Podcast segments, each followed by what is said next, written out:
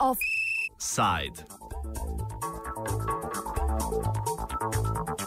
ساق الخري إلى منجرد وخ الخري إلى Ob vse bolj razširjeni implementaciji neoliberalnih vrčevalnih ukrepov smo priča večanju neenakosti, vidno predvsem v večjem nesorazmerju med delovskimi pravicami in privilegiji delodajalcev.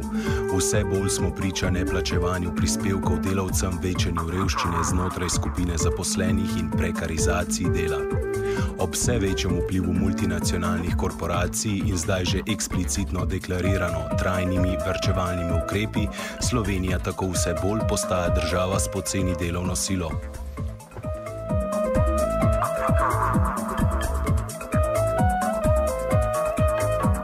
سخاخ الخريل من جرك وخ الخريل من ترك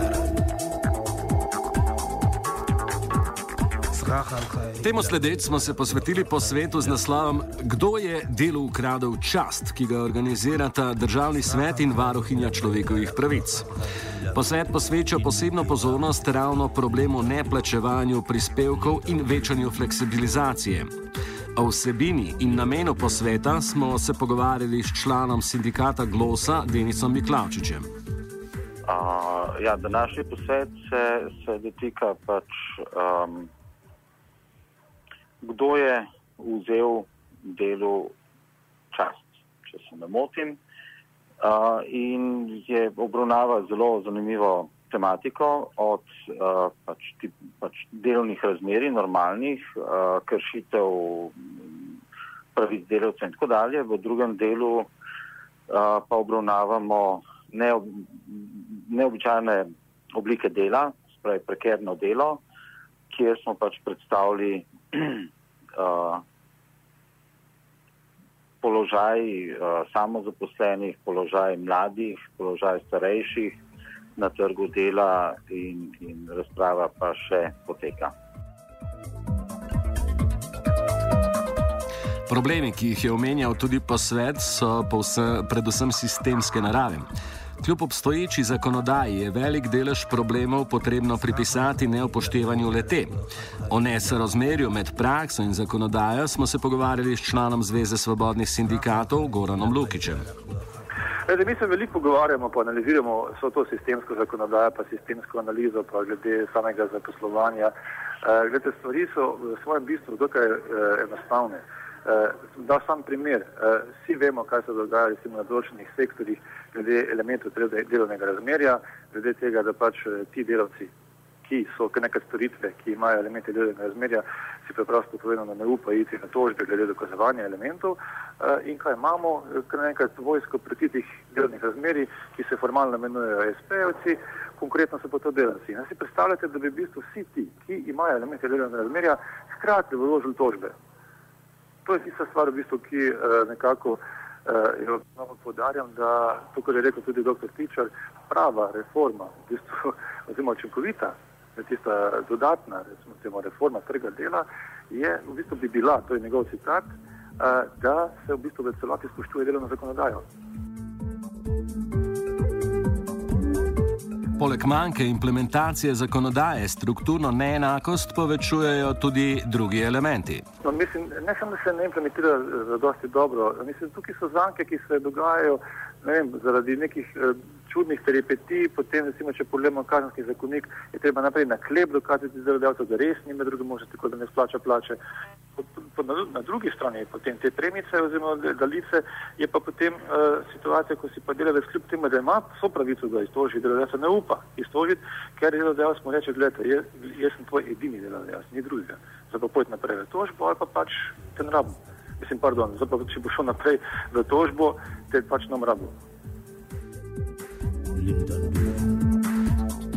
Največji udar fleksibilizacije delavcev so predvsem deležne ogrožene socialne skupine, kot so starejši delavci.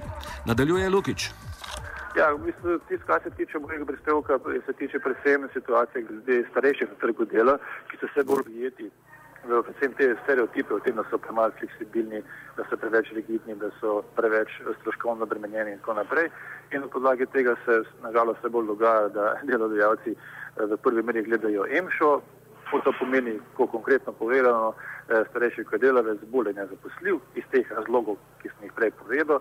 In zdaj se pač dogaja to, da so cele generacije starejših nekako odrinjene z trga dela in uh, hkrati se dogaja tudi to, da so ne samo iz trga dela odrinjene, ampak tudi iz javnega diskurza. Skoraj nišče več se ne pogovarja o vsem tem problemu te generacije, ki so starejše od 50 let in so dolgotrajno brezposobne. To so pa te generacije, ki bodo prišle iz situacije dolgotrajne brezposobnosti do situacije dolgotrajne revščine, ko bodo imele potem še nižjo pokojnino. Eh, in tukaj je res katastrofalna situacija in o tem bom danes govoril.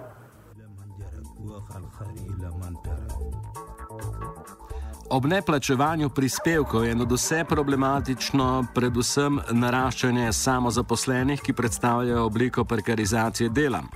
Država namreč že od osamosvojitve Slovenije dlje spodbuja samozaposlovanje, v zadnjem času celo s subvencijami.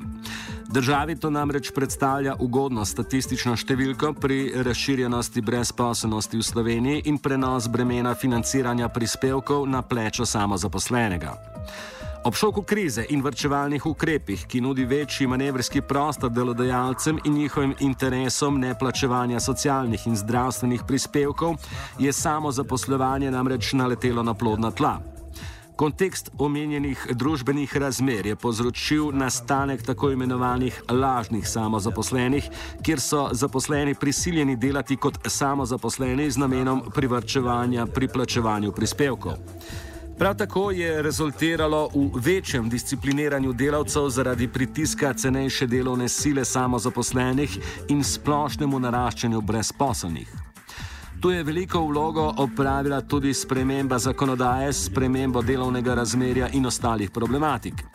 Več o vlogi prava pri razširanju prekerne de oblike dela pravnica Polonca Končar gre za samo zaposlovanje, torej to neodvisno, uh, neodvisno delo. Uh, zdaj pravo mislim, da, uh, da uh, sigurno imamo primere, ko uh, širimo to in to je ravno tisto, kar, kar uh, trdim, da bi morali biti pri uh, teh oblikah dela izven delovnega razmerja bolj previdni, uh, ne to uh, v bistvu, v bistvu svojimi normami še podpirati direktno ali nedirektno in pospeševati, ne, ker recimo ti primeri eh, občasnega, začasnega dela, ne vem, upokojencev, eh, zdaj ureditev v zakonu o preprečevanju dela na črni in tako naprej.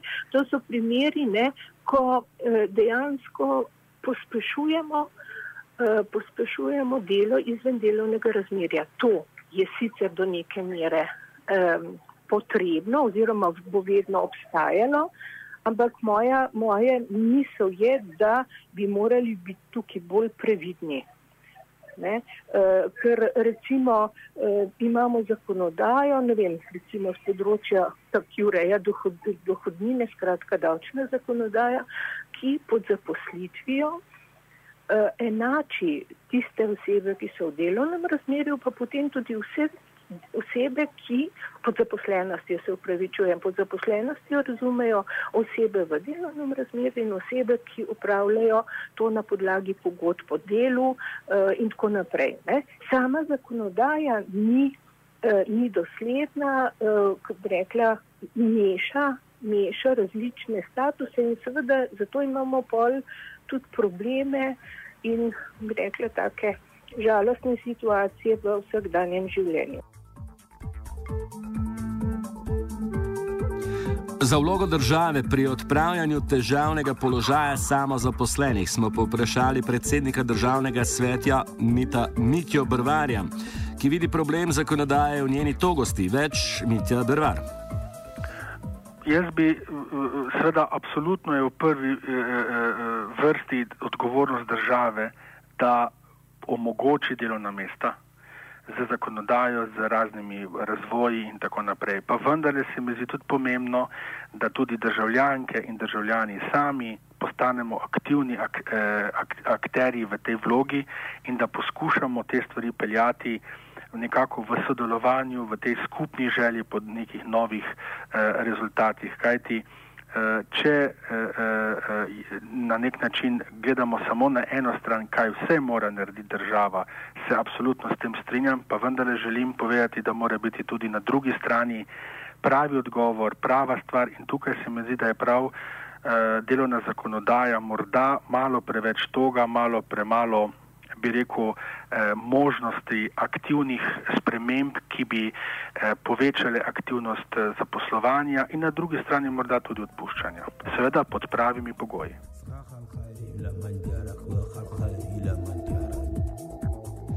Kljub problematičnosti družbenih razmerij, ki se vse bolj producirajo in reproduciranju skozi večanje neenakosti in izkoriščanju delavcev, moramo zaupati etičnosti akterjev na prostem trgu. Da moramo zaupati njihovi dobronamernosti na vkljub determiniranemu položaju znotraj globalno ekonomskega sistema, zaključuje Mitja Bervar. Ja, eh, seveda ne vsi, to se moramo zavedati, samo nekateri. Eh, pa vendarle eh, eh, imamo tudi dobre primere, dobre prakse, ki pokažejo, da so odgovorni do delavcev in do samozaposlenih. Nekateri pa enostavno zaradi določenih, bi rekel, teh problemov, ki jih imajo v tej gospodarski krizi, izkoriščajo te stvari in kar pa seveda ni prav način razmišljanja. In sploh ni prav način razmišljanja o prihodnosti.